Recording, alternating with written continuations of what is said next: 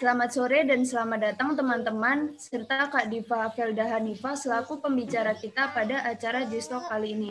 Terima kasih Anissa. Halo teman-teman semua. Apa kabarnya nih? Semoga baik-baik aja ya. Walaupun pandemi, tapi tetap produktif dengan cara mengikuti acara Gistalk 4 hari ini. Jadi pada hari ini kita akan kedatangan pembicara yang hebat banget, masih muda, dan memiliki bisnis kekinian tentunya. Siapa sih pendiri dari bisnis ini?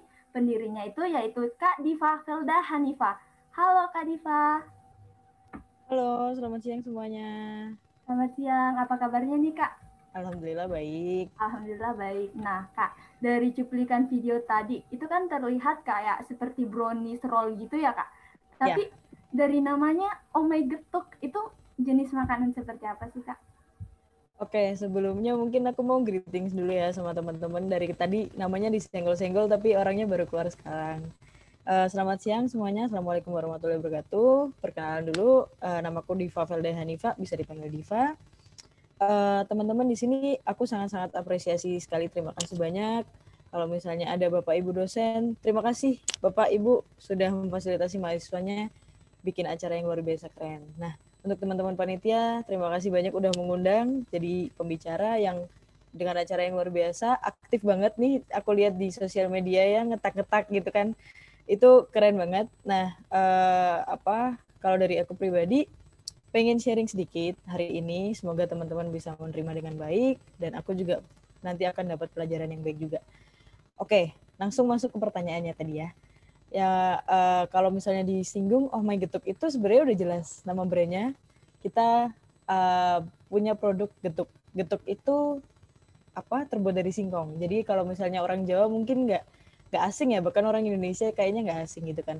Getuk itu identik dibuat dari singkong. Jadi uh, asalnya dari Jawa Tengah Jawa Timur itu uh, makanan zaman dulu banget lah zamannya kita masih kecil banget.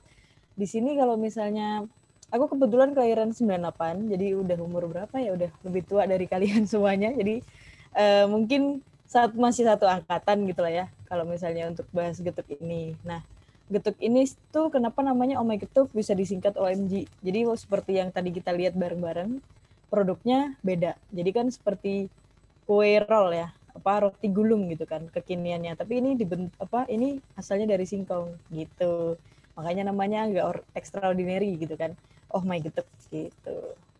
Nah oke okay nih kak, itu ternyata getuk ya kak, tapi tampilannya lebih kekinian. Tapi ini kak kenapa kenapa terpikirkan gitu untuk membuat bisnis makanan dari getuk tapi uh, kelihatannya tuh lebih berinovasi gitu. Oke, okay. kalau misalnya ditanya kenapa kepikiran bikin uh, usaha kayak gini. Nah, jadi dari awal ceritanya itu di tahun 2017, waktu itu lagi mau ada perlombaan, ada perlombaan bisnis plan di salah satu universitas negeri di Malang. Uh, waktu itu akhirnya ikut nih, ikut. Terus yang disuruh ngulik itu apa sih fenomena yang terjadi di sekitar kita. Nah, waktu itu aku melihatnya gini, uh, lagi jalan-jalan, lagi ke pasar juga sama mama gitu kan. Terus mikir, loh ini kok kayaknya singkong ini tuh uh, bisa banyak diolah gitu kan. Karena singkong itu kan waktu itu mikirnya agak lebih mudah. Jadi uh, apa mengikuti syaratnya bisnis agar bisa besar itu adalah kita lihat bahan bakunya bisa banyak juga nggak melimpah juga nggak gitu kan. Lebih mudah dicarinya. Nah akhirnya waktu itu kepikiran singkong. Terus waktu itu kepikiran singkong itu bahan bakunya. Terus yang kemudian kepikiran juga kalau mama itu suka bikin getuk. Jadi mikirnya oke okay, kayaknya bisa nih getuk nih. Nah karena dari ide itu tadi akhirnya implementasi, lah searching-searching dulu gimana sih ini trennya singkong, trennya gitu dan lain-lain. Kebetulan waktu itu ada dampak sosialnya uh, di Jawa Timur ada pemberitaan di berita ya waktu itu lagi rame uh, harga singkong itu satu kilonya itu cuma 500 perak.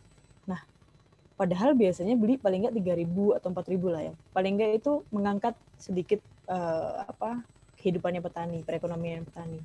Akhirnya survei beneran, cari-cari-cari segala macam, validasi, ternyata beneran terjadi uh, nilai singkong ini menurun. Dan akhirnya kepikiran sama teman-teman kenapa nggak dibikin comeback nih si getuk ini? Karena emang zaman sekarang waktu itu masih semester 1 atau dua gitu aku uh, jarang banget yang jualan getuk yang kita kayak tahu. Mungkin anak-anak zaman sekarang aku ngerti sih masih kenal sama getuk yang pakai kelapa atau enggak gitu kan nah akhirnya kita implementasi ide validasi kita ikut lomba tadi alhamdulillah juara dua dan tadilah dimulai cerita Om Heng Getuk ini jadi kita dapat uh, investor yang ternyata salah satu juri yang dari bisnis plan tadi itu tertarik sama ide bisnisnya kita gitu ceritanya Wah, luar biasa banget ya Kak. Berawal dari bisnis plan, tapi bukan hanya sekedar plan, tapi jadi gitu nyata. Betul. Nah, eh, kata kakak tadi nih, itu harus survei dulu segala macam. Nah, itu kan pasti ada tantangannya kan Kak. Dari hmm. awal membangun getuk ini tuh, eh, tantangan terbesar dari eh, Kak Diva itu seperti apa? Oke, kalau misalnya tantangan terbesar itu sebenarnya gini, um, bisnis itu kan sebenarnya kan perjalanan ya. Jadi kayak kita ibaratnya maraton. Kita lari panjang banget ada ada jarak yang harus ditempuh dan itu kita harus mengatur tenaganya kita. Nah, bisnis itu karena emang sebelumnya udah pernah usaha dan udah pernah dagang, itu akhirnya mikirnya bisnis itu bukan hal yang bisa kita buat main-main atau ya udah uh, bisnis deh, ini deh padahal apa namanya? bisnis itu juga punya tanggung jawab. Nah, kalau misalnya mau ditanya tentang ini tadi, sebenarnya kalau soal bisnis itu uh, buat aku pribadi ya, itu pelajaran yang bisa berdampak ke kehidupan. Karena dari bisnis tadi kita nggak bisa meremehkan hal-hal kecil. Terus dari bisnis kita bisa lebih care sama orang-orang sekitar atau sama lingkungan sekitar. Kayak gitu sih kurang lebihnya. Hmm, Oke okay nih kak. Nah tadi kakak uh, sempat menyinggung katanya sebelumnya udah pernah ber, apa berdagang juga gitu. Itu kalau boleh tahu uh, dagang apa ya kak? Oke, okay. kalau sebelum dari Ome Getuk ini perjalanannya dari kecil nih ya dari SD itu udah jualan keripik-keripik. Pasti tahu dong kayak keripik-keripik singkong yang di diplastikin 500 perak, seribuan gitu kan. Waktu itu udah jualan dari SD, lanjut ke SMP, uh, apa nitip-nitipin di kantin-kantinnya sekolah-sekolah. Terus SMP kelas 3 waktu itu ngelihat trennya waktu itu zamannya BB nih anak-anak ini pasti tahu nih Blackberryan gitu kan pink-pink gitu kan. Nah, itu jualan di uh, BlackBerry uh, jualan pancake durian karena waktu itu lagi hits banget tuh di kotaku di Malang. Lagi hits banget. Akhirnya wah rame nih pasti banyak yang beli. Dia jualan sampai uh, kelas 3 eh sampai kelas 3 SMA itu aku masih terus uh, apa namanya ngelola itu. Jadi punya reseller, punya distributor, kita ngelola semuanya. Nah, di kejadian di kelas 3 SMA itu mungkin tadi uh, apa namanya sempat apa ya uh, sempat aku udah baca dari panitia juga mungkin akan dibahas nanti uh, cuman aku mungkin review sekarang kalau misalnya yang kejadian tiga kelas 3 SMA ini sebenarnya kejadian yang benar-benar ibaratnya gini uh, kesehariannya bisnis itu kan juga udah menantang ya. Nah, tapi kelas 3 SMA itu kayak ibaratnya itu tinggal petasannya doang nih gitu kan. Petasannya apa? Petasannya kebetulan agak nggak enak, pengalaman yang kurang menyenangkan gitu kan. Uh, ditipu sama supplierku uh, sekitar 300 jutaan. Jadi waktu itu supplier langsung menghilang begitu aja ketika uang udah ditransfer dan lain-lainnya gitu. Jadi dapat pelajaran yang berharga juga gitu sih. Nah, oke okay nih Kak, katanya ditipu 300 juta. Itu kan uang uang bukan yang sedikit gitu. Nominalnya lumayan besar. Tapi dengar-dengar katanya Kakak bisa membalikkan keadaan hanya dalam waktu tiga bulan. Benar ya Kak? Jadi okay. waktu itu uh, apa ya? Saking harus tanggung jawab ya kelas 3 SMA perasaannya kita kayak kembali ya mungkin kalau misalnya udah ini kan udah pada kuliah pasti kan udah ngalamin kelas 3 SMA kebayang rasanya uh, mau UN. Jadi minggu depan itu mau UN tuh. Senin ini kan hari Senin nih, pas nih. Nah hari Senin kayak gini tuh dapat kabar uh, bahwa ini sebenarnya lari dan lain-lain. Senin depan udah ujian nasional. Nah akhirnya mikir nih, waduh gimana caranya ya biar bisa selesai. Uh, apalagi aku tuh anaknya uh, kebetulan dari background keluarga bukan background keluarga usaha ya. Jadi uh, mau diomongin ke keluarga juga yang ada malah jadi beban gitu kan.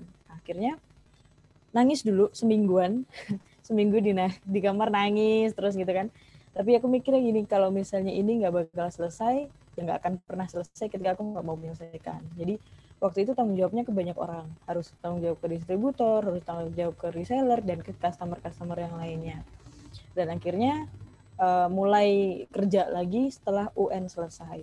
Itu benar-benar alhamdulillah ada orang yang percaya udah dikasih modal barang. Jadi harus ngejualin barang. Jadi selama kurang lebih kurun waktu itu ngotot banget buat jualan tadi. Gitu sih Wah, luar biasa banget nih kisahnya Kak Diva. Tapi Kak, itu kan usianya masih muda banget Kak, masih SMA. Dan bahkan katanya memulai dagang-dagang itu dari SD. Itu kenapa kepikiran sih Kak? Mungkin kita kan yang masih muda Kak, ya udahlah main aja dulu, sekolah aja pusing. Mau nambah bisnis lagi tuh gimana tuh Kak? Iya, kalau misalnya mau ditanya, kenapa sih kok uh, ngotot banget buat usaha atau jualan gitu ya, dagang. Nah, jadi kalau tadi aku sempat sharing dikit uh, background keluarga itu kita bener-bener dari orang yang apa ya namanya bukan orang yang berada lah ibaratnya gitu. Jadi kita emang bener-bener masih struggle banget dalam hidup. Dalam hidup meskipun waktu itu posisi aku anak terakhir. Jadi uh, anak terakhir yang harusnya dimanja-manjain, mungkin anak cewek gitu kan. Tapi uh, apa malah dari kecil semangatnya itu ngotot buat oke okay, uh, gimana caranya biar bisa bikin keluarga ini bangkit gitu jadi waktu itu cuman pemikirannya sederhana sederhananya gini nggak mau lagi eh, nggak uh, mau lagi minta uang saku ke orang tua dan bayar sekolah sendiri dan lain-lainnya jadi lebih ke arah mandiri aja sih jualan itu hmm. cuman karena semakin karena emang waktu itu masih usia muda nggak ada yang bimbing juga jadi ketika ada bisnis ngambil keputusan segala macamnya sendiri Padahal hmm. hal-hal itu ternyata kurang tepat. Dan akhirnya berakibat ada pengalaman-pengalaman yang gak mengenakan tadi gitu. Oh oke, okay. karena ada pengalaman yang nggak mengenakan ditipu sama supplier ya kak. Nah yeah. pastinya dari kejadian itu kakak lebih berhati-hati dong. Nah kalau sekarang nih kak bagi dong tipsnya gimana cara-cara kita untuk menentuin ini supplier yang tepat, ini partner yang tepat untuk kita jadiin partner bisnis gitu. Oke, okay jadi kalau misalnya ditanya pengalamannya apa aja sih kak? Kalau misalnya bis kan udah bisnis nih ada kejadian-kejadian gini. Sebenarnya gini sebelum kita dapat kejadian yang besar banget pasti kan kita udah ada kejadian-kejadian kecil yang mengajarkan kita bahwa wah ternyata orang itu kayak gini ya. Orang itu ternyata karakternya kayak gini ya gitu. Dan menurutku um, satu tiang dalam bisnis itu adalah juga tentang manusianya atau tentang people-nya.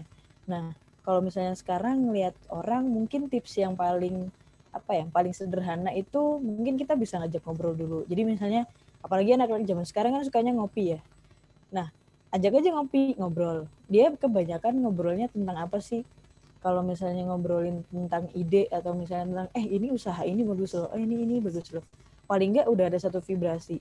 Tapi ketika misalnya nih kita ngopi, kita kumpul, kita uh, si si orang yang kita target pengen jadi kita partner gitu ya ternyata dia ngobrolnya nggak satu vibrasi atau dia kebanyakan ngobrol hal yang lebih lain yang konteks yang lain mungkin lebih dipelajarin dulu karakternya jadi uh, partner atau halo kak Diva halo sorry sorry oke okay, nggak apa-apa tiba-tiba laptopnya mati oke okay. okay. Uh. Kita lanjut aja kak. Kan Siap. itu dapat suntikan dana 300 juta berawal dari uh, lomba bisnis plan. Hmm. Ya. Eh, dan kalau boleh tahu nih kak, dari bisnis plannya itu boleh dong nggak di share trik-trik di dalam idenya gitu loh kak, biar biar investor itu bisa tertarik gitu dengan bisnis kita. Oke. Okay. Ya, kalau misalnya waktu itu tuh sederhananya gini, uh, orang ketika mau invest atau misalnya tertarik sama kita, itu pasti kan paling enggak ngelihat backgroundnya kita gitu kan. Nah, kalau misalnya dari aku sendiri, mungkin ada tips-tips yang bisa aku sharing ke teman-teman. Uh, kalau kita mau ketemu sama orang atau kita lagi mau menghadapi orang, paling enggak kita udah tahu duluan. Jadi misalnya gini, aku uh, mau ketemu sama si A gitu ya. Aku harus tahu dulu nih, oh si A ini ternyata kuliahnya di sini, rumahnya di sini, uh, terus misalnya dia suka makanan misalnya makanannya ini gitu jadi ketika kita ngobrol dia nyambung gitu kan.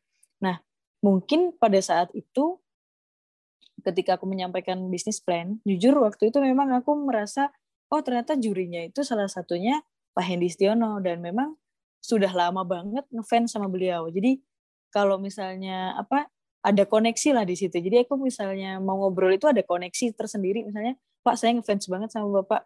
Tahu banget perjalanannya bla bla bla. Jadi orang itu kan akan respect. Jadi itu mungkin yang akan aku sharing ke teman-teman. Karena biar apa ya uh, kebanyakan nih di usia kita nggak usah teman-teman ini uh, aku aja dan teman-teman yang lain di omah gitu-gitu kita kadang merasa bahwa usia ini misalnya masih muda gitu ya kita merasa kayak ya udahlah cuek aja gitu.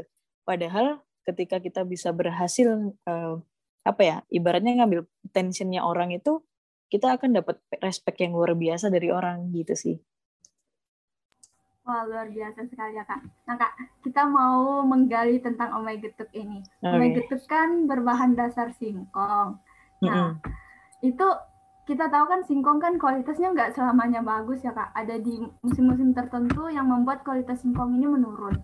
Dari Oh My Getuk itu gimana untuk tetap mempertahankan kualitas dari bahan baku ini? Oke, okay.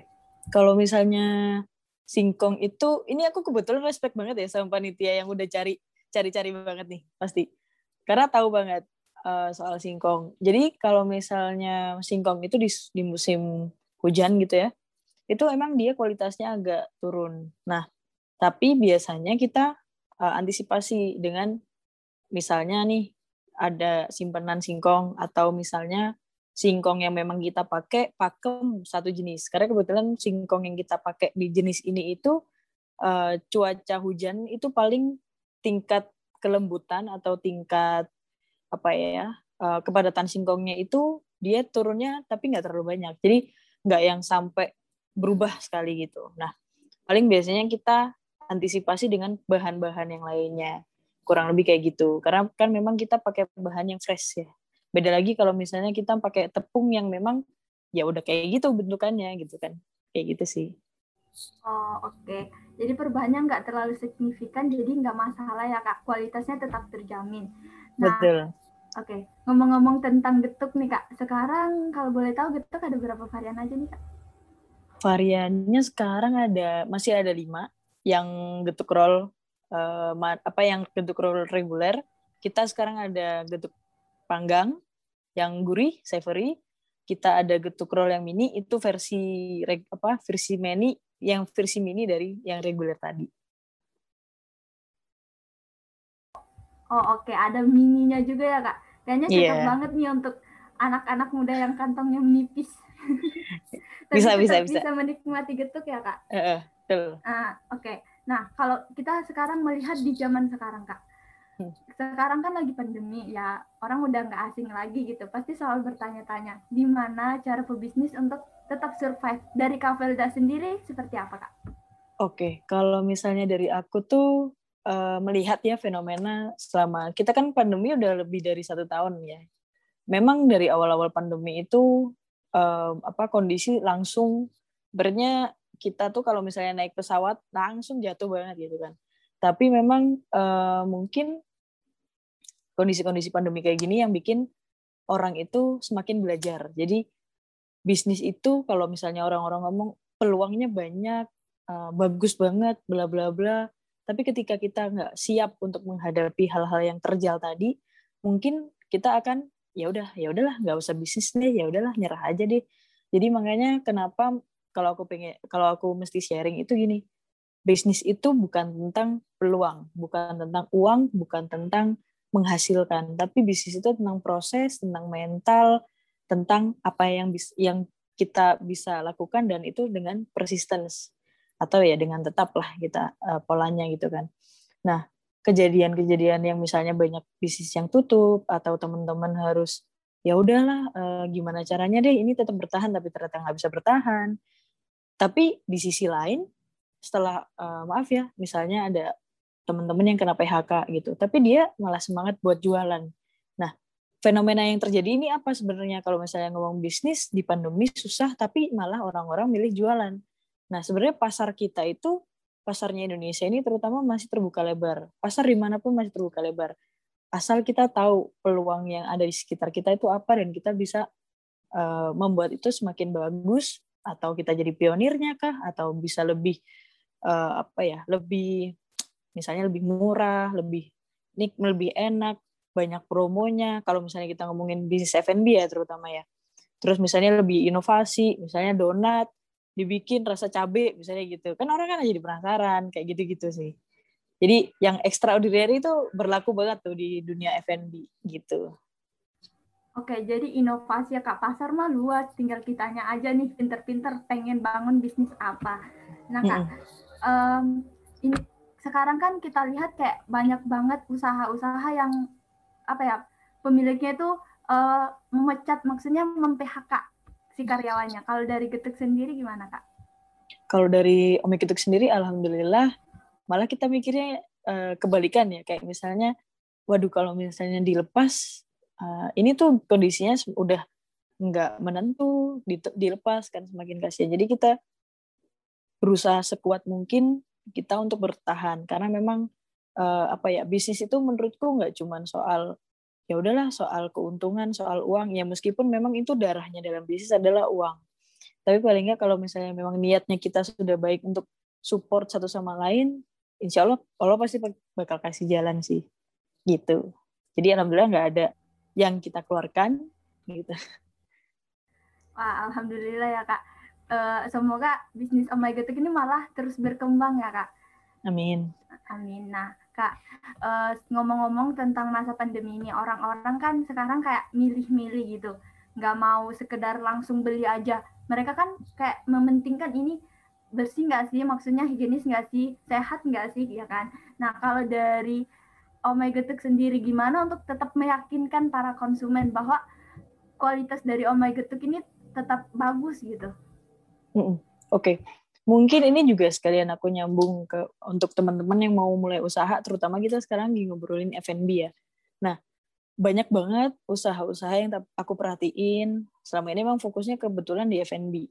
Jadi F&B itu sebenarnya kan kita jualan makanan yang dimakan sama orang atau minuman yang diminum sama orang yang ya konsumsi. Berarti kan uh, flow produknya cepet ya. Bukan kayak fashion. Fashion kan nggak tentu setiap hari orang beli baju gitu kan nah kalau makanan kan orang-orang bisa dalam satu hari bisa terus makan berapa kali gitu kan nah mungkin buat teman-teman aku akan sharing uh, pengalaman selama ini itu sebenarnya orang itu ngelihat profesionalitasnya kita jadi misalnya nih kita sama-sama ada yang sekarang gini, oh my gitu gitu awal muncul viral gitu ya, itu banyak banget yang niru nih.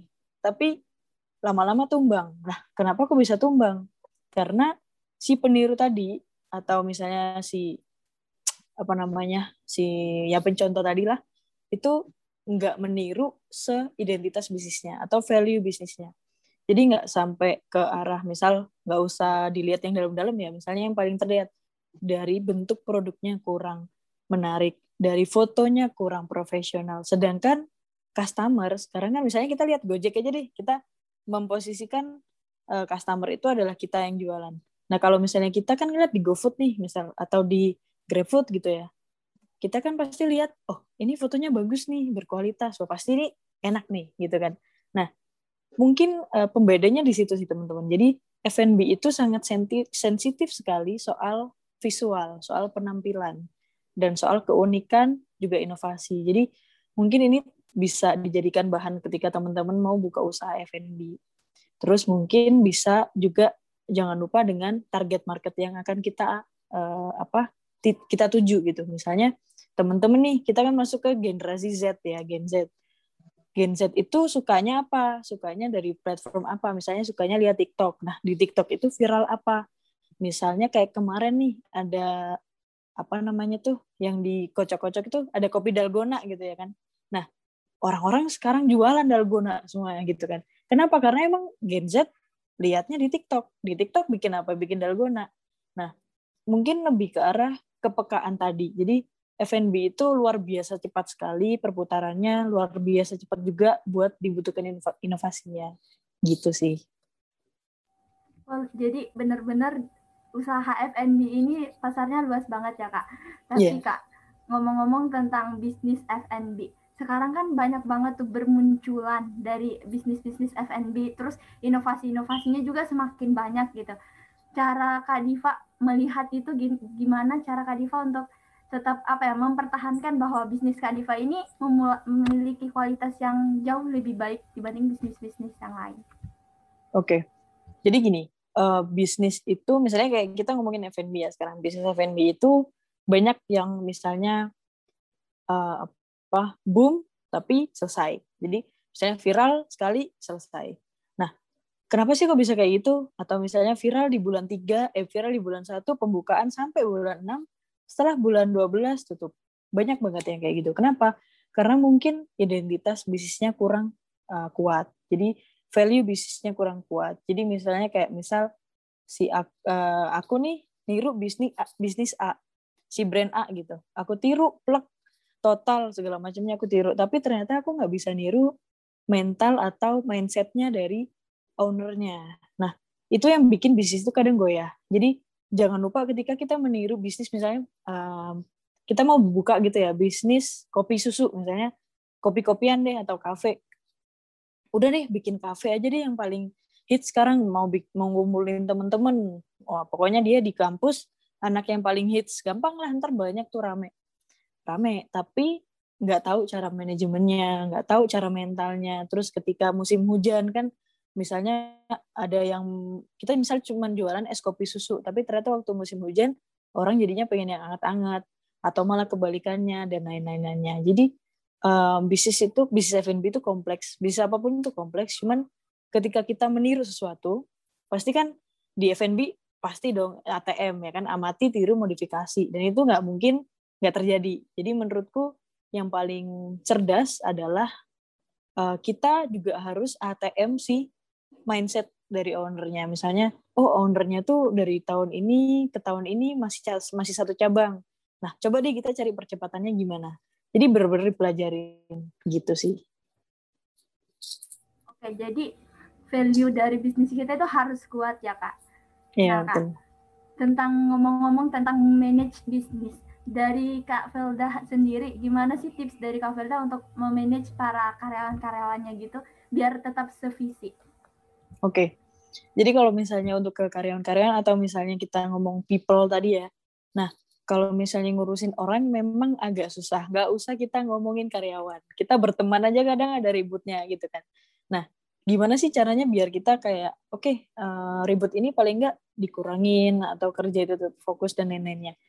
Uh, Sebenarnya tantangan yang buat anak-anak muda adalah komunikasi dan uh, skill untuk gimana sih nyatuin orang-orang ini gitu. Nah terus mungkin yang mau difokusin adalah kalau ketika kita nge, apa ngelola orang atau ngelola manusia yang perlu kita sadarin adalah kita juga manusia. Jadi kita jangan lupa untuk memanusiakan manusia. Terus uh, bagus kalau misalnya ada gesekan. Misalnya nih ada keributan percecokan antara si A dan si B si A kerja di bagian produksi si B eh, kerja di bagian marketing mereka berdebat karena si A kerjanya lama loh kenapa si A kerjanya lama? Kan ini kan jadinya uh, pas produknya harus dijual jadi nggak ada. Nah kan marketing jadi uh, marah-marah, jadi kan ada gesekan di situ dan itu gesekan yang bagus. Kenapa? Karena tim produksi yang lain jadi mikir, oh berarti aku harus makin cepet nih buat produksi. Sedangkan tim marketing jadi dituntut buat, nah ini kan jualan harus laris gitu. Jadi uh, gesekan itu kita kadang harus muncul itu gitu sih. Jadi biar idenya semakin uh, runcing lagi, inovasinya semakin bagus lagi, gitu sih. Munculnya gesekan malah memunculkan inovasi baru ya kak, wah luar iya. biasa yeah. sekali. Uh, Oke okay nih kak, sekarang kalau kita lihat di, melihat Oh My Getuk yang sekarang, itu kan udah luas banget, udah terkenal di kalangan anak muda, anak kecil, orang dewasa, pokoknya semua kalangan udah kenal My Getuk apa sih kak kunci kesuksesan dari Omega Getuk ini sendiri? Oke, okay, kalau mau ditanya kesuksesan Omega Getuk itu mungkin kalau dari aku pribadi uh, jujur ya sukses itu kan takenannya orang-orang beda-beda. Nah, mungkin kalau dari aku pribadi menilai Omega Getuk ini kita masih masuk ke dalam tahap awal karena di luaran sana tuh masih banyak bisnis-bisnis yang lebih luar biasa. Ini kita udah mau masuk ke tahun ketiga. Uh, jujur banyak banget pengalamannya, banyak banget perjalanannya, dan banyak banget cerita-ceritanya. Cuman kalau misalnya mau ditanya, apa sih yang tetap bisa bikin survive? Apa sih yang bisa bikin tetap bisa dikenal sama orang banyak uh, luas gitu kan? Mungkin uh, salah satu faktornya adalah value bisnisnya tadi. Jadi kita punya semangat tetap menerapin oke okay, oh my getuk itu identitasnya apa? Identitasnya getuk. Nah kita deliver getuk ini berkualitas. Kita deliver getuk ini terjamin banget misalnya kebersihannya. Toh juga terwujud dari harganya. Misalnya uh, impas lah worth gitu. Nah mungkin ini salah satu value yang kami punya dan memang kami sangat-sangat berpegang teguh sekali. Akhirnya banyak banget loyal customer yang tetap nempel sama kita dan bikin bisnis uh, brand kita tetap eksis itu sih. Hmm, oke, okay. tetap kembali lagi ke value bisnis itu apa. Nah, oke okay, kak. Tapi ngomong-ngomong tentang bisnis, bisnis kan nggak berjalan kalau pemasarannya juga nggak kuat dong kak. Iya. Nah, kalau dari Kak Felda sendiri, untuk pemasaran yang benar, yang baik, yang bisa langsung menjerumus untuk menghipnotis para customer itu seperti apa? Oke, okay. kalau misalnya pemasaran yang langsung gitu ya misalnya langsung ngebom gitu kan luar biasa gitu. Mungkin ini dulu kali ya diawalin dengan uh, kita target marketnya ke siapa dulu. Karena berbeda target market itu berbeda juga strategi marketingnya. Let's say gini deh pasti teman-teman tahu kan si Arif Muhammad. Nah Arif Muhammad ngapain sih repot-repot bikin lagunya buat si bakso Aci Akang? Kenapa harus dibikin sampai bikin lagu pakai ini apa namanya apa uh, grup band yang luar biasa gitu kan terkenal. Nah bahkan si si Arif Muhammad sampai joget-joget gitu kan di videonya. Kenapa dia sampai kayak gitu? Nah kita lihat sendiri si Aci akan kebanyakan yang makan siapa? Misalnya generasi Gen Z sama milenial. Karena mereka lebih masuk pakai musik. Kita suka dengerin musik. Kita suka lihat YouTube. Kita suka sama uh, dengerin si tenggilannya si Arif Muhammad. Nah, jadi kita balik lagi kita nggak perlu nilai yang si Arif Muhammad kan udah luar biasa besar ya ikonnya.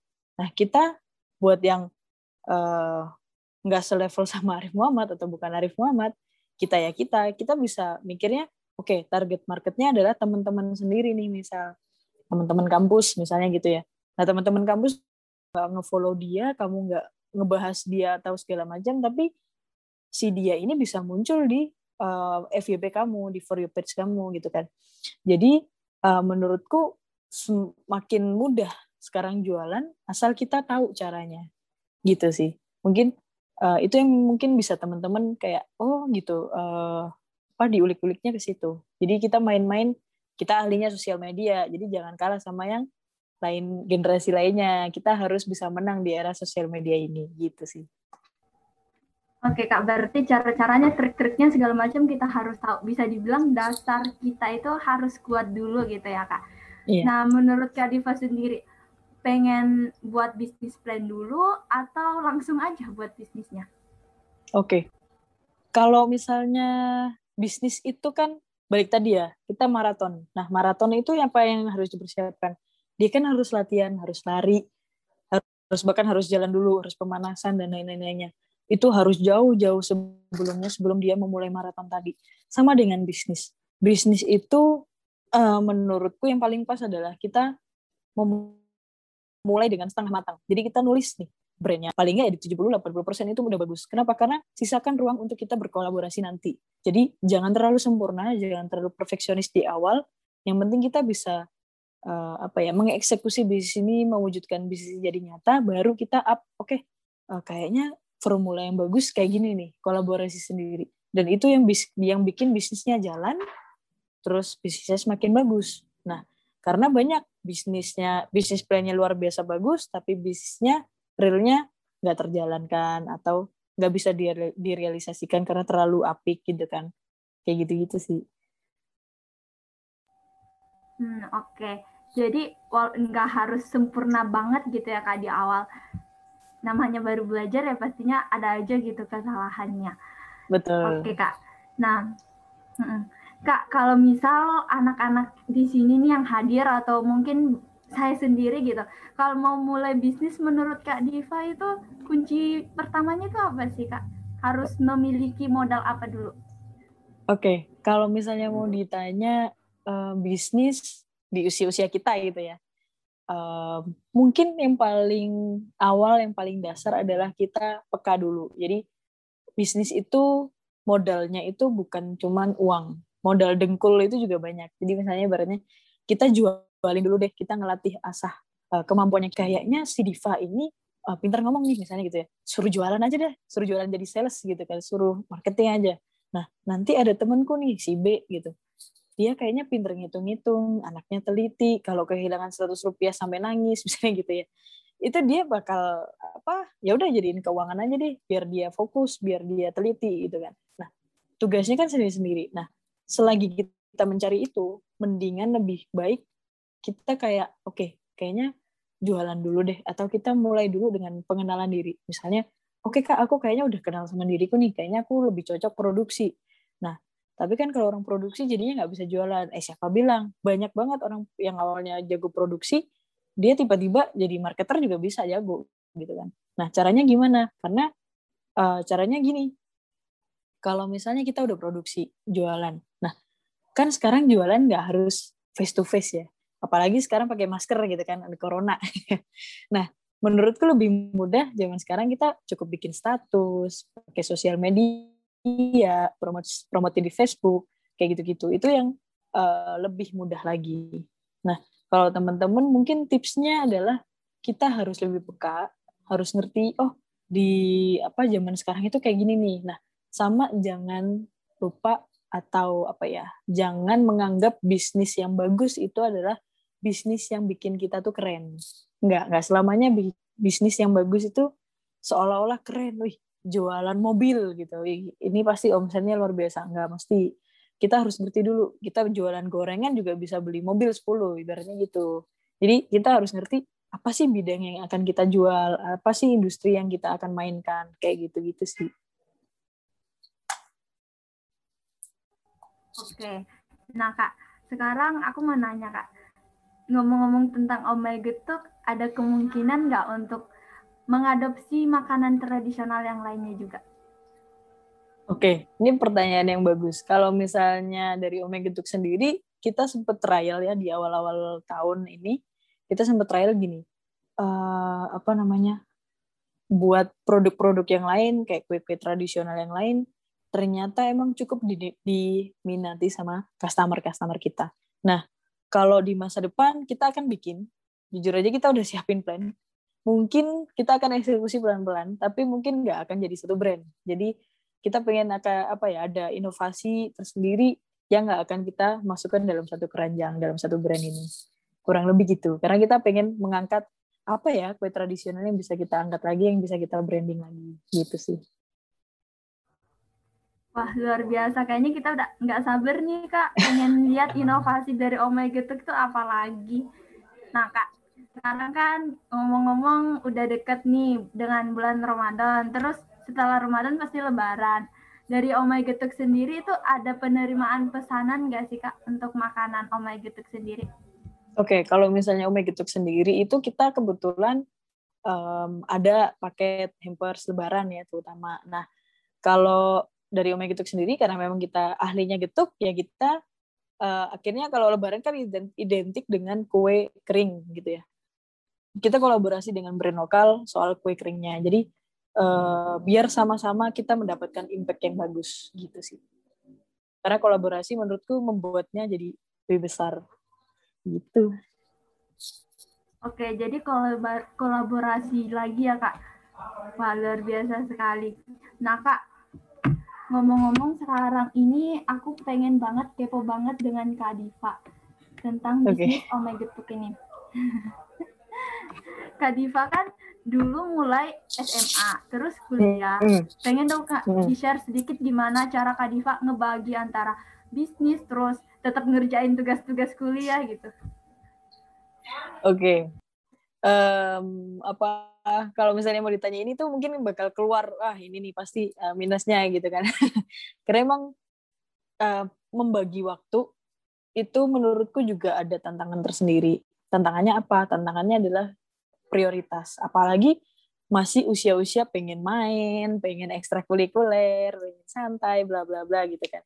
Nah, uh, jujur aja sebenarnya kalau masa SMA itu bener-bener wah udah nggak usah nggak usah ditanya gitu kan itu bener-bener uh, masuk SMA udah tiba-tiba udah kerasa lulus aja karena yang diurusin utama bisnis. Jadi kalau misalnya ada tugas ya nebeng aja sama teman-teman gitu kan. Nah, itu nggak boleh dicontoh sih. Tapi ketika kita ketika aku masuk kuliah waktu itu ngerasain mungkin udah ngerasain batunya, udah ngerasain struggle-nya banget. Jadi lebih perhitungan. Jadi misalnya kuliah mau jurusan ambil jurusan bisnis kan ini. Ambil jurusan bisnis yang kebetulan emang suka juga, passion juga. Jadi merasa kayak kayaknya nggak kuliah nih karena santai karena merasa oh ini enak banget nih kuliah ya, kampus sama. Jadi uh, mulai menata diri maksudnya manajemen tadi. Jadi kita bikin jadwal prioritas. Gitu sih. Oke, jadi um, memilih yang mana prioritas dulu untuk kita untuk kita lakukan terlebih dahulu ya kak. Nah, kita udah cukup ngobrol panjang tentang Oh My Getuk, tentang marketingnya dari awal membangun Oh My Getuk tadi suka dukanya. Nah, pasti dari teman-teman di sini udah penasaran banget nih dan nggak sabar langsung bertanya langsung ke Kak Divanya. Jadi okay. untuk teman-teman yang ingin bertanya langsung ke Kak Diva, bisa raise hand terlebih dahulu dan saya akan mempersilahkan untuk mengaktifkan mic-nya. Tapi bagi teman-teman yang malu-malu nih untuk ngobrol ke Gadiva secara langsung, boleh boleh boleh bertanya melalui kolom chat atau bagi teman-teman yang uh, menonton via YouTube bisa bertanya langsung di chat live YouTube. Nah kak, ini ada pertanyaan, tapi dia nggak mau disebutin namanya. Okay. Jadi dia tanya gini, aku mau tanya soal investor. Setiap bisnis yang unik pasti pasti banyak yang tertarik juga untuk investasi. Dari hmm. kakak sendiri, apakah kakak milih-milih investor? Uh, jujur kalau misalnya mau dibahas soal investor, investor itu kan sebenarnya jadinya rekanan bisnisnya atau partner. Cuman bedanya adalah kita yang mengelola usaha, kita yang manajemen langsung, setiap hari kita mikirin operasional dan lainnya. Hmm. Uh, kalau investor dia ngasih modal gitu kan. Ada yang pasif dan aktif. Aktif ikut ngasih saran-saran terus ikutin bisnisnya dan lain-lain. Tapi kalau pasif ya cuma tahu laporannya gimana gitu kan. Nah sekali lagi uh, kalau misalnya dari aku pribadi ya karena emang udah ada beberapa pengalaman yang ya baik dan buruknya juga menurutku investor itu menguntungkan bagi bisnis biar bisa langsung scale up atau misalnya bisa langsung naik gitu kan. Tapi uh, ketika urusan dengan investor kita juga nggak bisa uh, merasa bahwa meremehkan itu atau kita kayak ya udahlah kan investor uh, yang penting terima uangnya aja terima keuntungannya aja. Nah itu nggak bisa kayak gitu karena ini kejadian sendiri di usia muda. Tadi aku kejadian di beberapa teman-teman usaha udah banyak banget kejadian kasusnya. Kita merasa bahwa oke okay, bisnisnya kita bagus. Jadi kita merasa ya udahlah kita nggak perlu komunikasi dengan ini gitu. Padahal komunikasi itu dengan siapa pun partnernya kita, karyawan, teman-teman dan lain-lain gitu harus penting banget. Nah, untuk menjaga hubungan dengan investor tadi, kita perlu treat, uh, perlu belajar karakternya mereka, kita perlu tahu profilingnya mereka, karena ada investor atau partner yang mau jadi partner ya kita punya tujuan apa, punya tujuan misalnya um, logis aja lah, tujuannya kan biar dapat profitnya gede. Itu logis banget. Tapi usaha itu nggak selamanya naik loh gitu.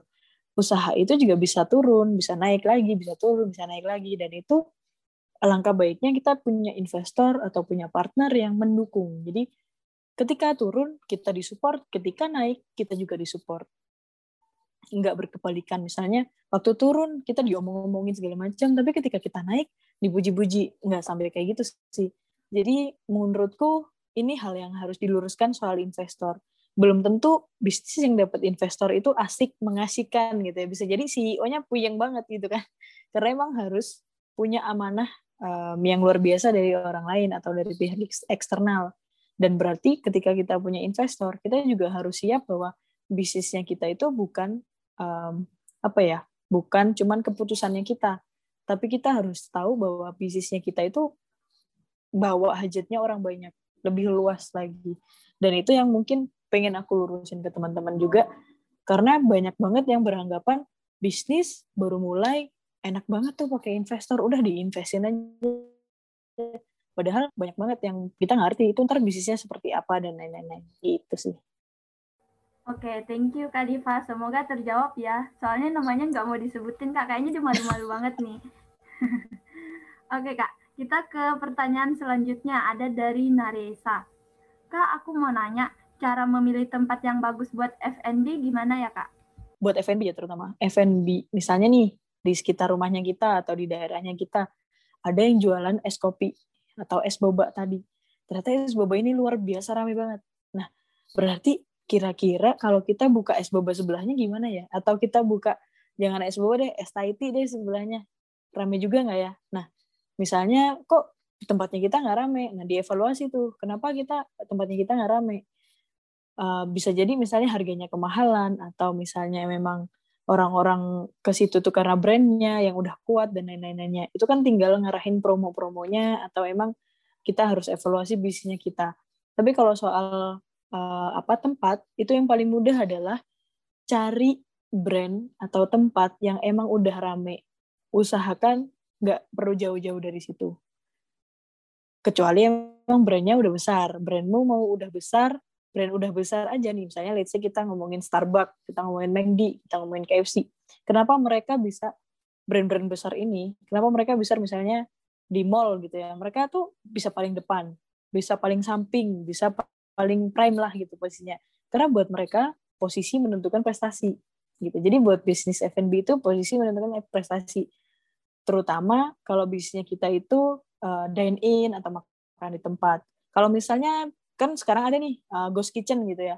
Ghost kitchen jualan dari rumah atau dari ruko-ruko gang-gang sempit juga nggak masalah karena memang yang datang kan ojol. Nah itu tergantung lagi value-nya kayak gitu. Jadi kita nentukan dulu oke okay, tempatnya kita nanti akan didatengin orang. Berarti kan mempermudah orang untuk datang.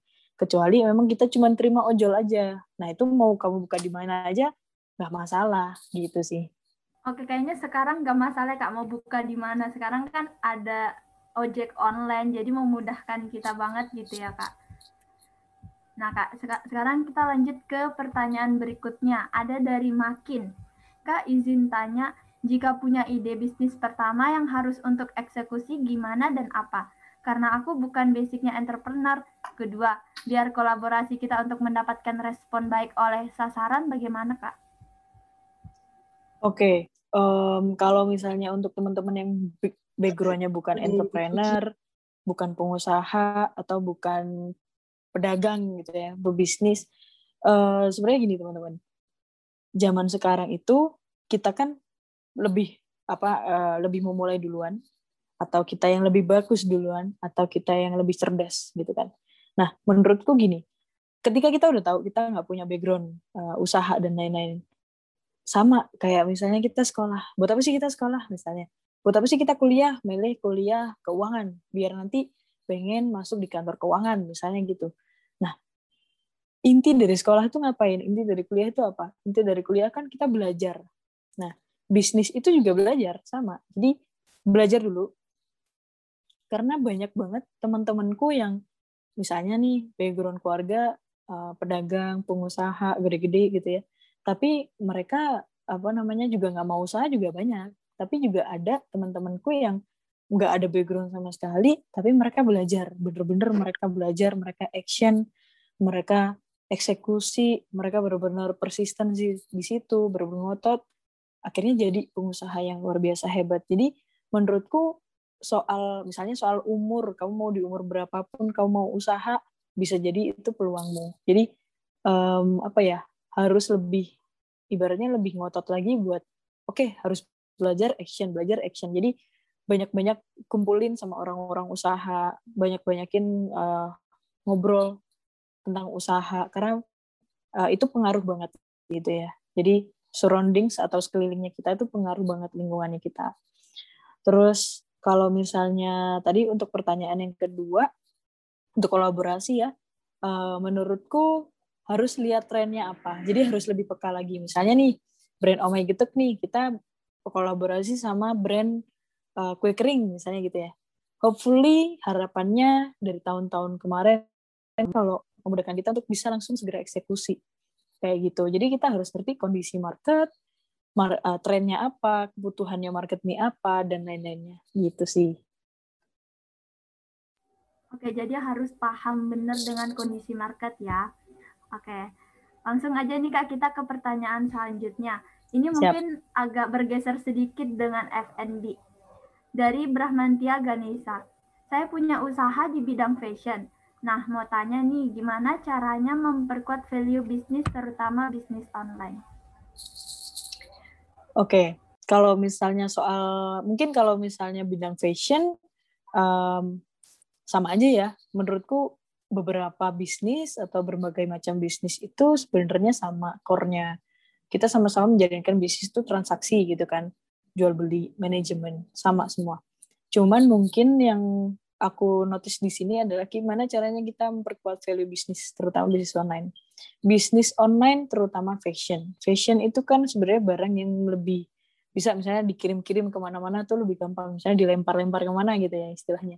Nah, mungkin kalau fashion, sama sih bisnis itu menurutku kuncinya juga satu. Kenapa customer bisa memilih kita? Kita punya kredibilitas. Nah, kredibilitas itu diyakinkan dari mana? Terus misalnya uh, kalau kalau fashion online itu mungkin bi, di, bisa mainnya di marketplace, Shopee, Tokopedia, Lazada.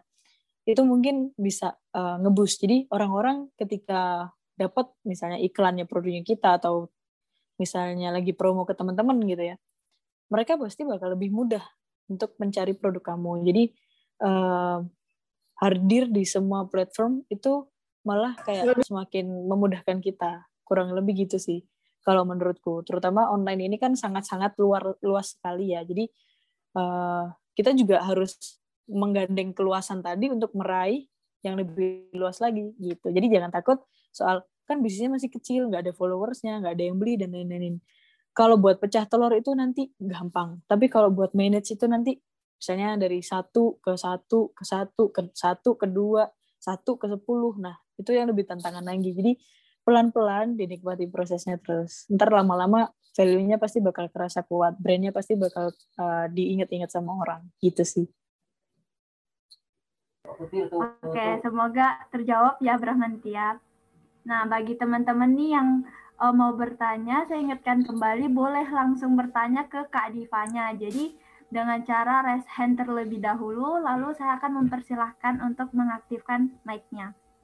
Selanjutnya nih Kak, ada pertanyaan dari Farah Naisha. Bagaimana cara Kak Diva melihat peluang bisnis? Oke, okay. caranya ngelihat peluang bisnis paling gampang. Antara kita suka sama produknya atau sama brandnya, kita pepet terus, atau kita ngelihat crowd-nya. Jadi, misalnya nih, aku suka sama donat gitu ya, karena emang aku suka yang sama, sama yang manis-manis. Nah, ketika aku suka yang manis-manis, pengen bikin kayak misalnya brand cake sendiri. Oke, dicari terus tuh, cari, cari, cari terus. Gimana ya peluangnya cake ini? Di di mana-mana tuh banyak banget toko roti Nah, kenapa kok bisa banyak banget toko roti menjamur? Berarti kan di situ peluang. Nah, itu udah itu udah kegambar. Jadi ibaratnya gini, ketika kita mau jalan, kita ngelihat, oh uh, ternyata apa yang di perjalanan ini tuh mendukung kita buat ini tuh bisa nih, kita jalan terus nih akhirnya gitu kan. Karena kita ngelihat banyak banget bisnis bakery, toko roti, uh, dia buka satu tahun, dua tahun, tiga tahun, empat tahun, sampai berpuluh-puluh tahun itu ternyata nggak tutup-tutup berarti kan menghasilkan sederhana gitu kan nah dari itu dari penghasilan kalau misalnya kita lihat dari peluang lagi nih misalnya ada yang rame misalnya ada abang-abang nih nasi goreng misalnya satu komplek rame. Kenapa ya si abang-abang ini bisa rame banget di satu komplek? Bisa jadi rasanya emang enak bisa jadi harganya murah bisa jadi cuma dia yang jualan. Nah kan berarti kan itu peluang. Kalau cuma dia yang jualan kenapa kita nggak bisa jualan? Kan kayak gitu. Itu contoh-contoh sederhana ketika aku ngelihat peluang bisnis. Jadi kita harus jeli apa sih yang paling dekat di sekitar kita dulu. Baru kita lihat dunia luar potensinya seperti apa gitu. Oke, jadi pinter-pinter melihat sekeliling kita dulu ya kak. Dan Betul. kadang kita terlalu mikir luas, padahal yang di dekat kita ini bisa jadi peluang. Nah, yes. oke. Ini ada sangkut pautnya juga nih kak dengan pertanyaan sebelumnya tadi mengenai investor dari Naresa bagaimana cara mencari investor apabila kita masih baru membangun usaha atau startup? Oke, okay. Uh, gimana caranya mencari investor kalau misalnya baru bener-bener baru gitu ya? Nah, kalau bener-bener baru, mungkin gini ya. Uh, sebenarnya kita harus luruskan dulu. Tujuannya kita punya investor itu apa? Tujuannya kita punya investor itu hanya ego semata atau memang untuk bisnisnya? Let's say untuk bisnis F&B ya, paling mudah kan F&B itu dinilai dari kapasitas produksinya, terus cabangnya, atau misalnya dia um, kredibilitasnya dia. Nah, atau brandnya atau kekuatan brandnya gitu ya maksudnya. Nah, untuk investor ini kita nge-track investor ini caranya adalah kita harus buktiin yang mana nih. Kita pengen banyak peluang uh, banyak pelu, buka peluang uh, misalnya buka cabang gitu ya. Oke, coba kita franchise. Franchise sama aja. Franchise atau uh, apa kerjasama gitu ya, partner gitu kan. Nah, menurutku kalau misalnya kita cari investor tadi harus lurus tadi. Tujuannya harus sesuai dengan apa yang kita rencanakan. Karena uh, bisa loh misalnya tanpa investor pun ketika kita gigih, kita jeli, kita juga ya udah uh, kita ngotot gitu ya untuk memajukan usaha ini kita pelan-pelan bisa naik. Mungkin memang ibaratnya uh, pelan-pelan tadi. Nah, investor itu kan gunanya sebenarnya untuk menaikkan, untuk scale up. Jadi uh, menurutku harus diluruskan dulu. Nah, ketika kita kalau misalnya masih baru gini, gimana kak? Padahal tujuanku udah jelas, misalnya gitu ya udah terbuka banget nih, udah jelas aku udah tahu nih ke mana. Mungkin bisa ke arah pembuktian nama. Uh, misalnya brandnya dinaikkan.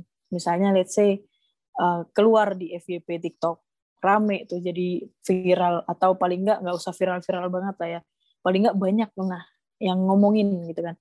Jadi talk of the town gitu kan. Jadi orang-orang kayak eh ini yang punya bisnis ini masuk koran atau punya image uh, brand atau punya image personal atau punya image cerita yang bisa diangkat sama orang. Jadi orang akan ngelihat kamu gitu sih. Jadi investor akan datang sendiri. Kurang lebih seperti itu. Oke, semoga terjawab ya Narisa. Nah, ada nih Kak peserta yang ingin bertanya langsung ke Kak Diva. Ada Rizky Bayu di Nanda, silakan mengaktifkan mic-nya. Baik, terima kasih Yani dan juga selamat sore kepada Kak Hilda. Uh, yeah. Di sini saya ingin izin bertanya Kak uh, tentang mungkin sangkut pautnya dengan uh, inovasi ya Kak. Kalau misalkan kita meluncurkan produk baru nih Kak, um, sebaiknya itu kita turunkan langsung ke pasar atau kita ada proses dulu nih untuk memprediksi nanti feedbacknya dari pasar itu kira-kira gimana Kak? Nah, kalau misalkan ada proses yang seperti itu mungkin boleh bantu untuk dijelaskan Kak, seperti apa? Terima kasih Kak. Oke, silakan Kak Diva. Sorry, Yusriani oh. bisa minta tolong diulangin nggak? Oh, jadi pertanyaannya gini Kak. Saat ah. kita meluncurkan varian produk baru, sebaiknya langsung kita turunkan ke pasar atau ada proses memprediksi feedback konsumen dulu? Kalau hmm. ada, prosesnya seperti apa? Oke. Oke, pertanyaannya benar-benar to the point banget ya. Nah, uh, menurutku gini, kalau misalnya kita mau tes market, um, tes market duluan atau kita ya udah kita langsung lempar aja ke market. Nah, kalau kita langsung lempar ke market, kita harus ngerti misalnya gini. Uh, ada dalgona tadi ya. Brand dalgona eh apa kopi es kopi susu dalgona gitu ya atau es kopi dalgona. Itu bahkan chat time aja bikin gitu ya. Si Boba bikin tuh brand-brand boba yang udah besar-besar tuh bikin. Nah, ini baru kita misalnya dari si brand A ngeluarin es kopi susu dalgona juga ngikutin Nah, menurutku ini yang namanya kita langsung lempar ke pasar dengan kita tahu, oh lagi, soalnya lagi rame. Jadi orang-orang jadi lebih populer dan lebih menangkap, oh kayaknya sih kita kalau pesan dalgona aja deh, aman, misalnya gitu ya. gitu ya, karya original dari kita gitu. Nah, menurutku kalau untuk tes market itu juga cerdas. Karena kita jadi tahu ukuran market uh, dapat saran dan kritik dari customer-customernya kita atau dari uh, masyarakat atau dari teman-teman gitu kan. Kita lebih uh, lebih cepat untuk uh, evaluasinya terus untuk ganti resepnya apa uh, upgrade terus dan lain-lainnya kayak gitu jadi dua cara ini sama-sama punya bagus dan minusnya juga jadi ada punya plus sama minusnya juga gitu sih oke bagaimana Rizky apakah terjawab Iya, sudah terjawab. Terima kasih banyak Kak Diva. Oke. Nah, kita lanjut ke pertanyaan berikutnya nih Kak. Ada dari Muhammad Raihan. Bagaimana cara menumbuhkan sikap percaya diri saat memulai bisnis atau saat sedang mempresentasikan bisnis kita? Oke. Jadi kalau misalnya mau numbuhin percaya diri ya, ini kebetulan aku punya catatan uh, yang mesti aku baca juga. Ini di buku kantor. Mungkin aku bakal bacain. Jadi kalau misalnya untuk percaya diri secara natural gitu ya, kita yang pertama harus percaya sama diri sendiri. Kalau misalnya kita mau presentasi bisnis, kita harus percaya sama bisnisnya. Apa yang kita ucapkan itu emang benar-benar bagus, emang benar-benar uh, kita yakin diri kita tuh sendiri yakin gitu. Terus yang kedua, mungkin untuk memperbanyak um, kapasitas percaya diri, kita lebih ke arah positif self talk atau inner uh, dirinya kita sendiri ini di dalam diri kita. Kita ngobrol sama diri kita sendiri tuh lebih ngobrolin hal-hal yang positif. Jadi misalnya nih, oke okay, Div hari ini bisa nih kayak gini gini gini gini. Oke, okay, uh, semangat gini gini gini. Jadi kita ngerti bahwa oke okay, diri kita tuh bawaannya enak tuh ke dalam diri gitu kan. Itu yang kedua. Yang ketiga um, buat membangun kepercayaan diri kepercayaan kepada bisnis atau kepercayaan misalnya kemampuannya kita secara akademik atau yang lain-lainnya adalah jangan pernah dengerin katanya orang. Jangan pernah kita ngerasa kayak perkataannya orang yang penting. Enggak. Perkataan orang itu nanti. Yang penting kita dulu. Karena kebanyakan orang itu adalah ntar kalau dilihat orang gimana ya? Ntar kalau ini dikomenin orang gini segala macam gimana ya? Dan itu yang bikin mereka nggak akan pernah maju gitu. Karena terlalu memikirkan katanya orang dan itu bahaya. Yang keempat adalah kita ngerti prestasi ke belakangnya kita apa. Misalnya nih uh, yang ritual yang selalu tak aku lakukan adalah oke okay, Diva hari ini hari Senin misalnya hari Senin. Biasanya kamu tuh punya sejarah bagus sama hari Senin. Kenapa karena hari Senin itu biasanya kita biasanya uh, my getuk itu uh, laris banget misalnya. Atau misalnya hari Senin itu kamu mesti dapat nilai yang bagus misalnya kayak gitu.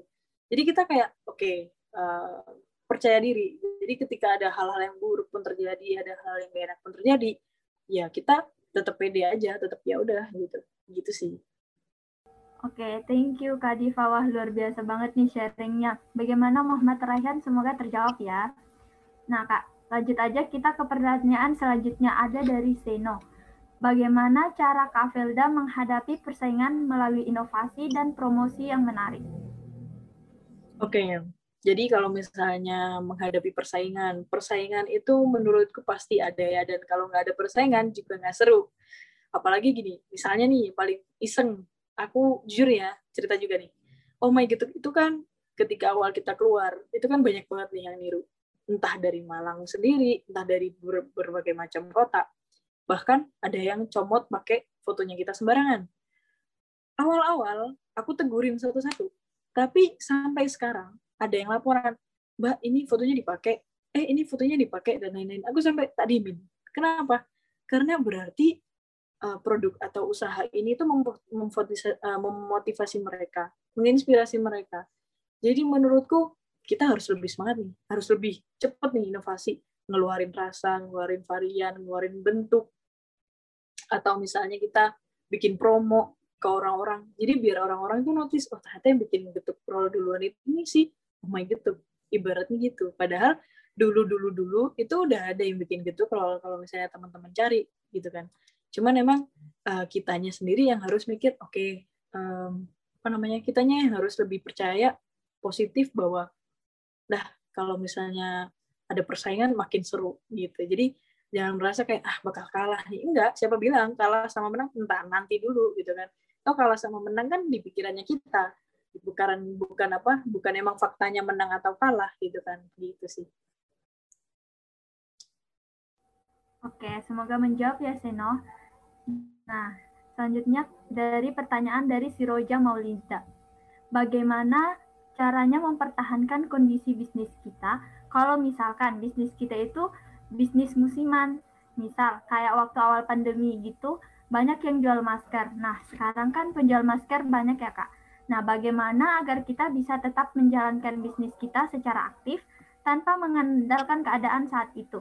Inovasi apa sih, Kak, yang harus kita buat Oke. Okay. Um, pertanyaannya ini apa kompleks dan aku suka banget maksudnya uh, karena relate banget ya kita lagi ngadepin pandemi terus habis itu jualannya masker oke okay. kita masih ingat dong masih fresh lah dalam pikirannya kita jualan masker itu udah kayak jualan apa namanya uh, mobil Ferrari mahal dan susah dapatnya gitu ya kan tapi karena semakin ke sini banyak banget orang-orang yang mulai bahkan di Indonesia sendiri udah banyak banget pabrik masker yang uh, rekomendasi untuk kesehatan gitu ya. Ada juga banyak banget yang bisa produksi uh, apa masker kain. Nah menurutku gini sih kalau misalnya kita udah tahu dari awal bahwa ini tuh bisnis musiman pandemi kita ngerti berakhirnya kapan.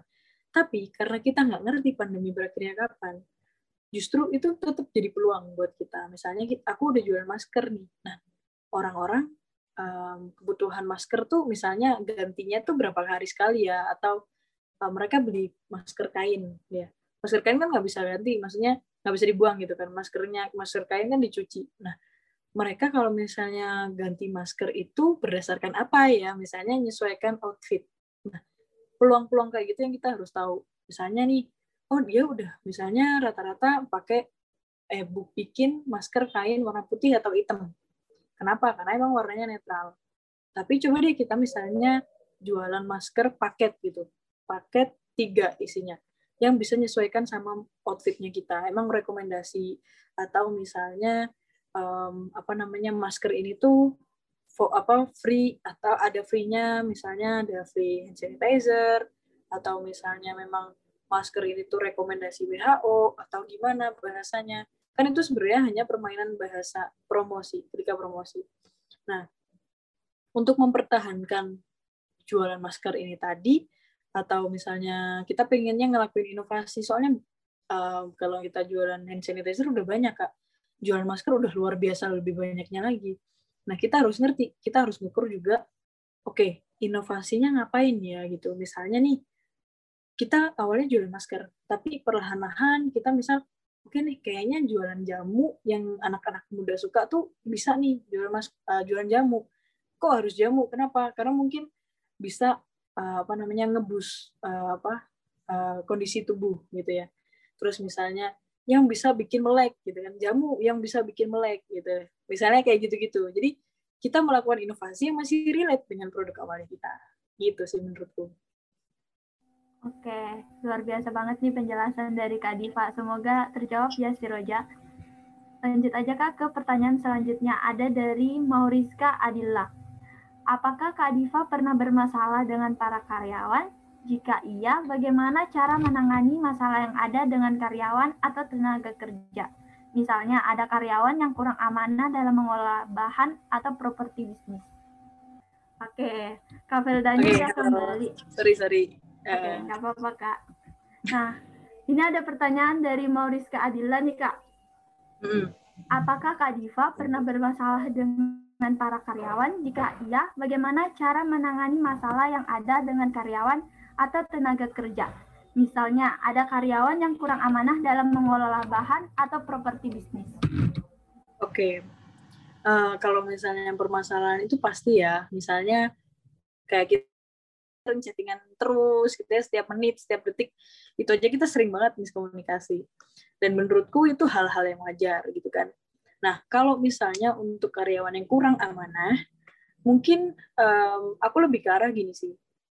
Um, kita ajak bicara secara empat mata atau secara pribadi. Karena um, aku bukan tipe orang yang suka menegur. Misalnya gini ketika kita kumpul nih misalnya ada enam orang bareng-bareng gitu ya aku tiba-tiba nyebutin eh ah kamu tuh kayak gini gini gini. Nah um, dulu sempat ada pengalaman sempat menerapkan hal yang kayak gitu sekali doang tapi yang jadi pengalaman sampai sekarang. Um, si orangnya ini luar biasa tersinggung dan aku nggak ngerti ternyata kondisinya dia juga ternyata kurang mendukung. Jadi uh, ada apa ya sama-sama posisinya sempat sempat apa ya salah gitulah aku salah menegur ketika banyak orang dia juga salah ada perbuatannya gitu kan. Tapi poinnya adalah yang aku tangkap kalau ada sesuatu apa pun yang terjadi kurang amanah udah ketahuan banget udah segala macam deh. Kita coba tegur secara baik-baik kita coba bicara secara baik-baik. Karena menurutku itu solusi yang paling uh, bijak. Karena nggak semua orang ada di kondisi primanya setiap saat gitu sih. Pasti kan ada alasan-alasan tertentu yang mungkin kita bisa jadi kasih pelajaran atau memang kita kasih teguran atau kita ajak bicara dan lain-lainnya jangan lupa untuk tadi memanusiakan manusia gitu Oke, kembali lagi ya Kak, orang-orang di mana-mana orang-orang tuh melakukan suatu hal pasti karena ada alasannya, salah satunya kesalahan. Nah, ini ada pertanyaan dari Google Form nih Kak yang udah sebelumnya udah dibagikan para panitia. Bagaimana membangun sebuah mental untuk memulai suatu usaha agar tidak berhenti di tengah jalan?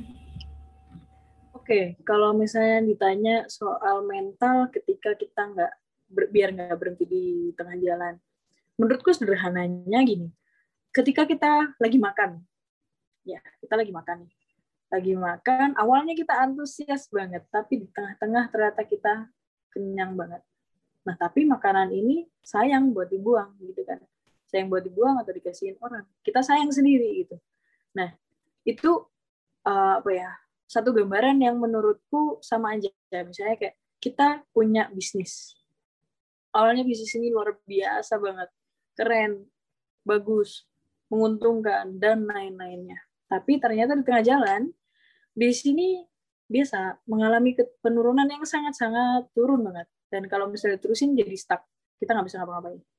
Kalau kondisinya kayak gini, jangan diperlakukan seperti makanan, yang kita harus beresin.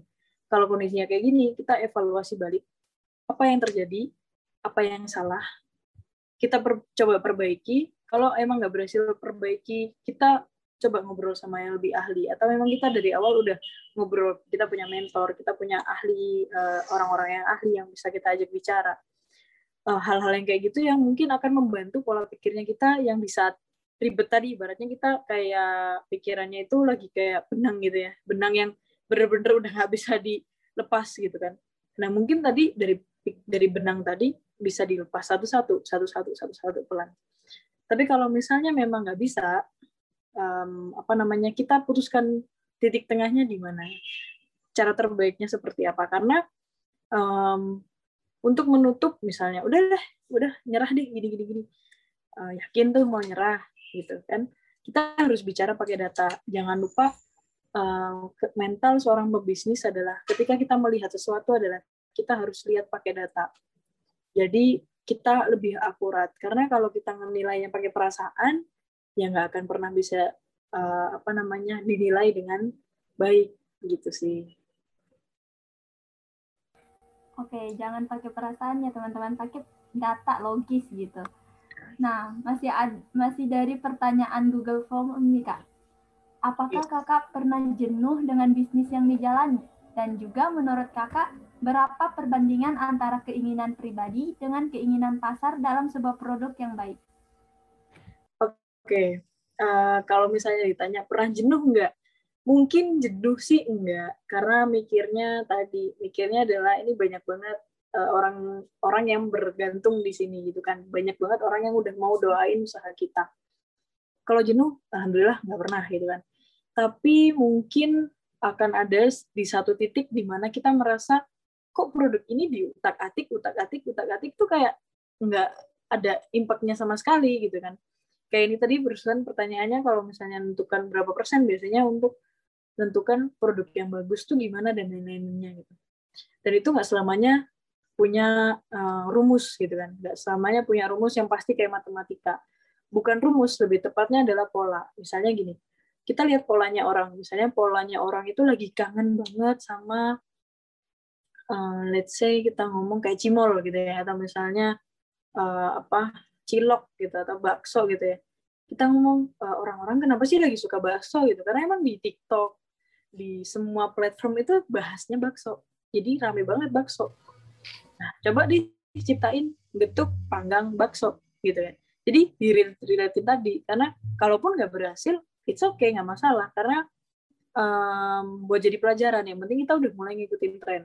Tapi misal kita udah dapet polanya misalnya nih aku udah dapet polanya oh getuk ini kayaknya orang-orang emang suka yang manis. Nah manis itu waktu kemarin kan ada rasa apa? Misalnya dibikin rasa dalgona gitu ya rasa kopi atau rasa martabak gitu getuk rasa martabak ya kan bingung ya makan gitu kan nah itu uh, bisa jadi terjadi bagus viral kenapa karena kita bisa melihat pola-pola viralnya itu udah ada juga kayak gitu. Jadi uh, tergantung antara emang idealisnya kita ada, tapi kita juga ikutin market, bisa jadi kita ngikutin market total, uh, idealisnya kita sedikit, lebih sedikit, kayak gitu juga bisa, kayak gitu sih. Oke, semoga terjawab ya. Nah, ini ada pertanyaan dari teman-teman yang menyaksikan via YouTube nih Kak. Ada dari Chris Steven. Bagaimana cara Kak Felda menentukan harga yang baik bagi produk yang dibuat? Oke, kalau menentukan harga itu sebenarnya ini ya ada rumusnya sendiri. Jadi mungkin teman-teman ada yang namanya COGS. COGS itu cost of goods sold. Jadi um, penentuan harga jual yang real harga jual. Oke. Okay. Halo. Oke, okay, halo selamat datang kembali Kak Diva. halo, halo. Oke, okay, okay. pertanyaan yang tadi ini Kak dari Chris Steven itu bagaimana cara Kak Felda menentukan harga yang baik bagi produk yang dibuat? Oke, jadi kan harga itu ada dua ya tadi biaya operasional, biaya karyawan dan lain-lain gitu kan. Sampai nanti ketemu ada profitnya, tambahan profitnya berapa, ketemu harga jual. Ada juga yang kedua adalah HPP. Makanan pasti uh, tahu banget nih orang makanan kalau misalnya orang produksi HPP-nya berapa gitu kan. Harga pokok produksinya berapa. Itu uh, fokus ke bikinnya ini dong berapa jadi tanpa ada packaging tanpa ada biaya marketing dan lain-lainnya gitu kan nah untuk hari untuk penentuan harga uh, biasanya kalau misalnya kuliner itu ada uh, rate ideal untuk persenannya sendiri.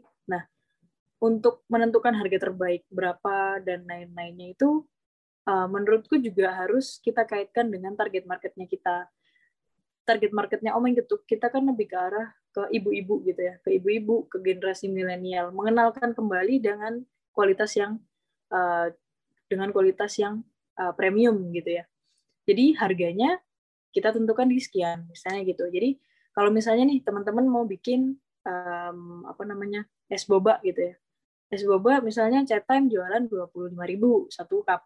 Nah bisa jadi kok ada yang jualan 5.000 kak. Itu gimana ceritanya gitu ya kan. Nah, kita mikirnya bisa terjadi karena chat time pun HPP uh, eh, harga jualnya mahal belum tentu HPP-nya dia juga sepertinya Kak Diva terganggu lagi dengan jaringannya. Halo Kak Diva.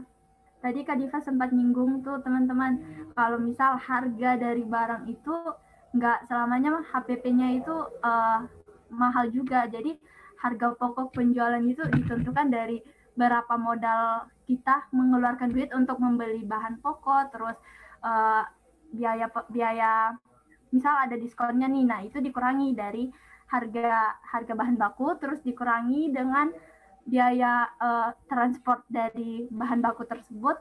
Terus uh, kita tambahkan misal de, misal dari potongan penjualannya juga seperti itu. Itu semua dihitung digabungkan untuk menentukan HPP nah jadi dari HPP itu nanti teman-teman uh, hitung nih gimana relate-nya harga yang tepat untuk kita targetkan ke barang yang kita pengen jual gitu.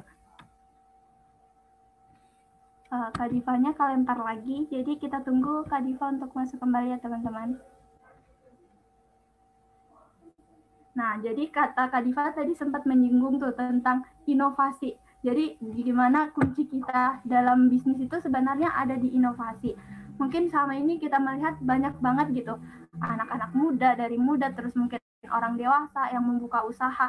Tapi ujung-ujungnya mereka gagal. Ujung-ujungnya mereka uh, harus gulung tikar nah untuk biar kejadian itu nggak terjadi ke diri kita ya harus terus berinovasi dan pastinya memiliki mental yang kuat terus terus kreatif melihat pasar yang kita tuju jadi kalau bisa dibilang pasar itu uh, apa ya orang yang harus kita layani gitu. Jadi kayak kita itu sebagai pelayan, kita pebisnis itu kita yang melayani pasar.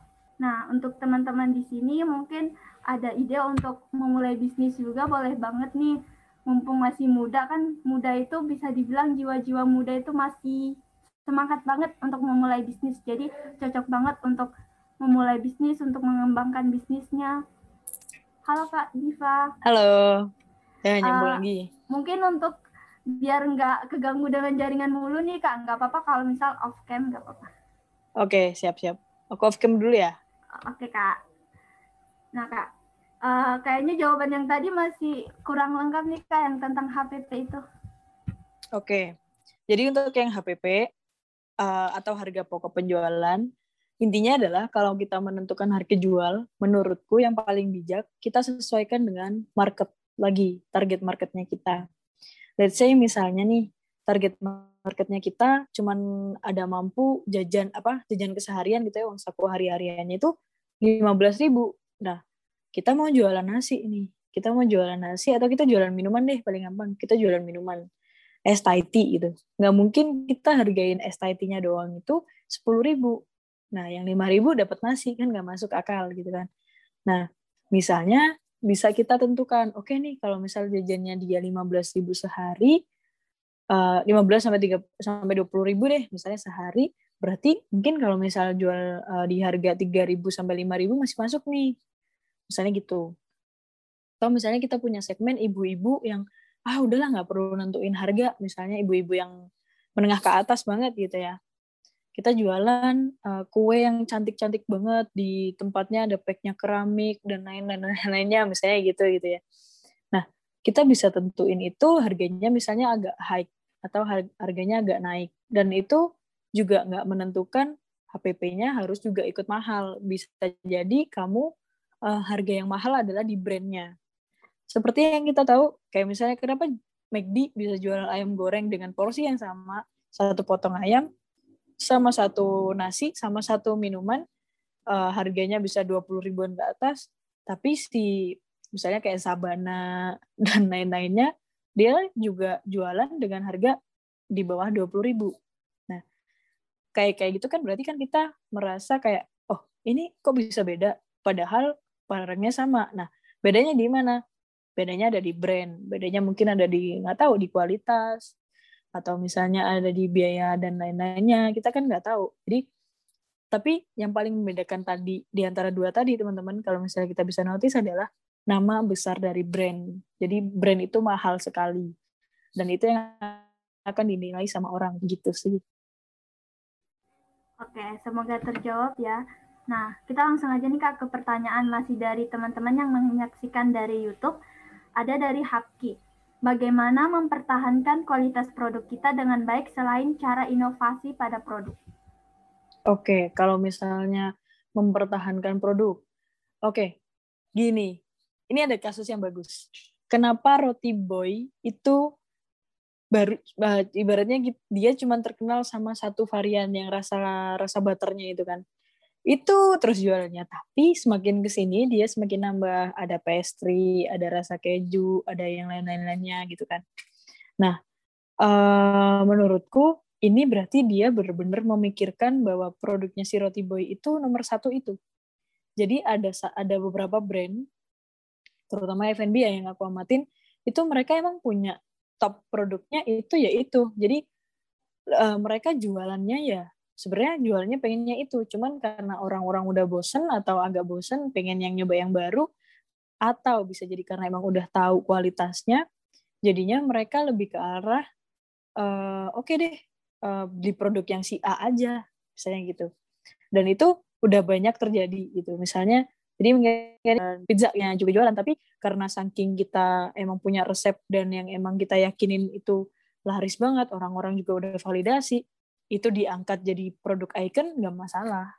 Gitu sih. Jadi kalau misalnya memang nggak mau terlalu inovasinya terlalu cepat, kita harus punya produk icon tadi. Gitu. Hmm, oke. Okay. Uh, Oke okay, kak, kita langsung ke pertanyaan. Mungkin ini menjadi pertanyaan terakhir dari via YouTube juga ada dari Yusuf Haryono. Kak, ini mungkin pertanyaannya agak tidak relate. Jadi, ada pertanyaan misalkan, ada anak berusia 9 tahun sudah tertarik dengan membuat makanan yang kemudian dia jual kepada temannya. Bagaimana mengarahkannya agar tidak malas di sekolahnya, namun tidak menghilangkan semangat bisnis? Oke, jadi biasanya gini, kalau misalnya ngelola anak kecil ya, ibaratnya ini mungkin sama kayak aku dulu gitu kan, semangat banget buat jualan gitu kan, semangat buat tapi karena kita juga sekolah, karena itu kewajibannya kita, kita juga harus ngerjakan. Nah, untuk anak-anak yang masih usia seperti itu, atau bahkan usianya sekitar yang masih kuliah, masih pendidikan, dan lain-lain, kita harus ngerti, eh, apalagi kita yang bimbing gitu ya anak itu tadi, kita harus ngerti cara komunikasi ke mereka. Jadi gini, uh, bener sih bisnis ini untuk masa depan dan untuk sekarang, tapi sekolah itu juga sama-sama untuk masa sekarang dan masa depan. Kalau nggak selesai sekolahnya, kamu nggak bakal pernah bisa jam ngurusin bisnis, satu jam ngerjain ini, satu jam ngerjain ini. Jadi uh, karena usia-usia segitu atau usia-usia sampai kita ini kan antusiasmenya masih tinggi banget gitu kan. Jadi kita harap maklum bahwa ngajarin anak-anak seusia segitu sampai seusia kita itu memang harus kita sering-sering ingetin. Dan ini berlaku nggak perlu ke anak SD misalnya. Ini berlaku ke uh, teman-teman rekan-rekan kerja yang ada di Omeng itu. Aku memperlakukannya mereka misalnya bilangin satu kali itu kadang nggak cukup. Jadi kadang kayak bilangin anak SD ngajarin anak SD yang harus diulang-ulang, diulang-ulang, diulang-ulang. Kenapa? Karena um, makin diulang-ulang makin paham gitu sih. Oke, semoga terjawab ya. Nah, kayaknya ini kita udah ngomong panjang kali lebar nih Kak. Sisi interaktifnya juga udah uh, lumayan panjang dan untuk teman-teman yang belum terjawab pertanyaannya mohon maaf sekali ya karena waktu terbatas. Nah, untuk penutup nih Kak, uh, dari Kak Felda sendiri untuk closing statement kepada anak-anak muda yang pengen membangun bisnis di bidang F&B juga. Oke, sebenar, uh, sebelumnya aku terima kasih banyak untuk sesi hari ini luar biasa banyak, luar biasa banget untuk panitia, untuk seluruh peserta, untuk Bapak Ibu dosen, terima kasih banyak. Di stok semoga semakin sukses untuk seri-seri selanjutnya.